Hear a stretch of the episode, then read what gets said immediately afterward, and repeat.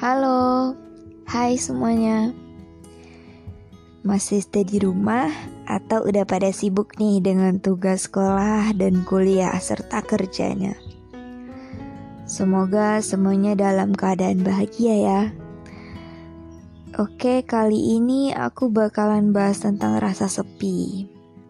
Episode kali ini mungkin sedikit lebih panjang daripada episode sebelumnya karena aku benar-benar ingin bahas tuntas nih tentang rasa sepi yang dialami orang-orang di sekitar aku, bahkan aku sendiri.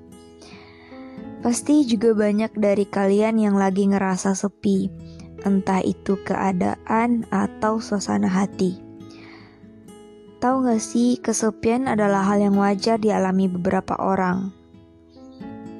Seringkali kita merasa paling menderita dan kesepian Nah, dari kalian ada nggak yang punya teman sukanya sendiri, jalan sendiri, pergi ke mall sendiri, suka nongkrong sendiri? Hampir semua yang dia lakuin itu sendiri. Dan kalian ngerasa aneh gitu, kok dia bisa ya jalan gak bareng teman? Atau kok dia sanggup ya ngapa-ngapain sendirian?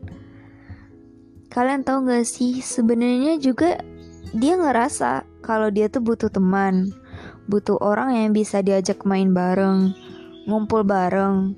Tapi untuk dapetin teman yang safe frekuensi sama dia tuh susah banget. Makanya dia milih bertahan dengan kesendirian dia. Meski dia ngerasa sepi, dia ngerasa sedih. Kok gue sendiri gitu? Sebenarnya orang yang suka sendiri itu apa sih yang dia rasain? Mungkin di antara kalian ada yang introvert, atau suka menyendiri, atau teman kalian yang tertutup, pendiam gitu. Oke, hal-hal ini sering kali dikait-kaitkan kalau orang yang seperti itu sebenarnya dia ngerasa kesepian.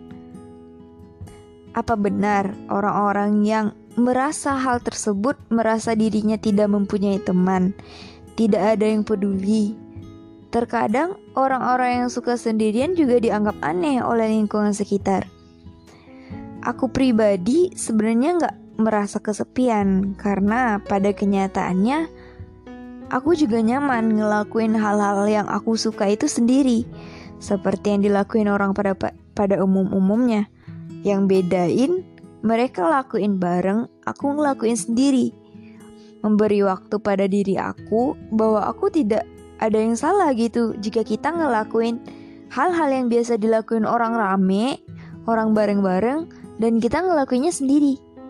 Nah, padahal orang di luar diri kita beranggapan bahwa kita tuh kesepian. Mereka hanya nggak tahu apa yang kita rasain ketika kita jalan sendiri, rasa nyaman kita. Kita merasa punya waktu buat diri kita sendiri, me time. Merasa harus nyenengin diri sendiri tanpa memperdulikan orang lain. Aku juga melihat beberapa orang juga tidak suka sendirian. Harus ditemenin atau dia tipe yang canggung kalau ngelakuin hal-hal sendiri di luar dirinya.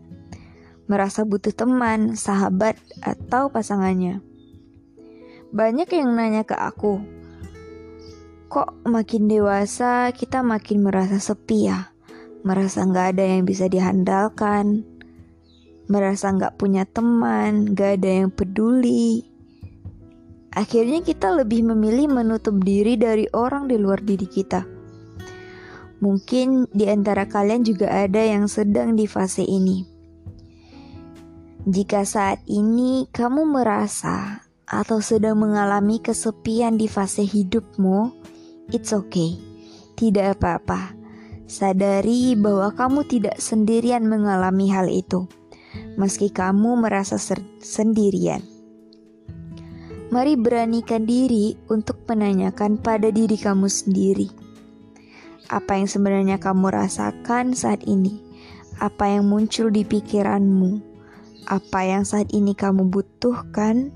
Apa yang saat ini aku rasa kurang gitu? Tanyakan hal ini pada dirimu, pada hati kecilmu. Jujurlah pada perasaan-perasaan yang muncul, meski rasanya mungkin sangat tidak nyaman. Setelah memahaminya dan menyadari apa yang sedang kamu alami dan apa yang kamu butuhkan, beranikanlah dirimu untuk melakukan yang sekiranya itu ialah yang kamu butuhkan.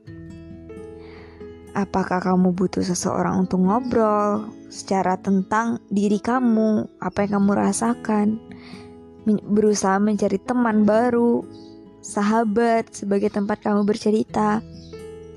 Mungkin beberapa orang juga tidak terlalu dekat dengan orang tuanya. Dan kamu juga bisa memilih orang lain sebagai orang yang bisa kamu handalkan terhadap apa saja hal yang kamu rasakan. Seringkali orang yang merasakan kesepian adalah orang yang tertutup. Mungkin kamu harus berani keluar dari zona nyamanmu. Beranikan diri untuk menjalin hubungan pertemanan. Beranikan diri untuk mengungkapkan apa yang kamu rasa. Jangan memendamnya.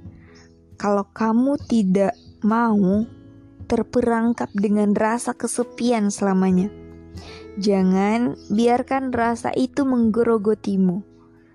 Aku tahu fase ini sulit banyak yang memilih memendam dan akhirnya berakhir dengan gangguan mental. Mereka tidak tahu mereka terperangkap dengan rasa sepi yang setiap hari yang mereka lakuin rutin. Tidur, makan, nonton, menjauh dari orang-orang sekitar, menutup diri.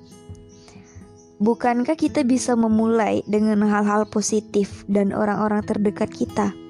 menjalin hubungan dengan keluarga kita, menjalin hubungan dengan saudara, mencari teman untuk tempat kita bercerita. Oke, okay, aku rasa segini dulu. Uh, mungkin di segmen berikutnya aku bakalan bahas tentang rasa sepi lagi atau hal-hal yang lain yang aku rasa aku harus bagi dengan kalian.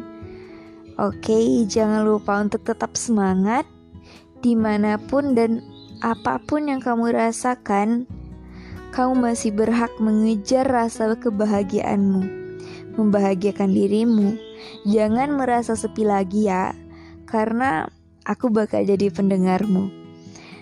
Mari bertukar cerita di Instagramku @lydiapratama.f04.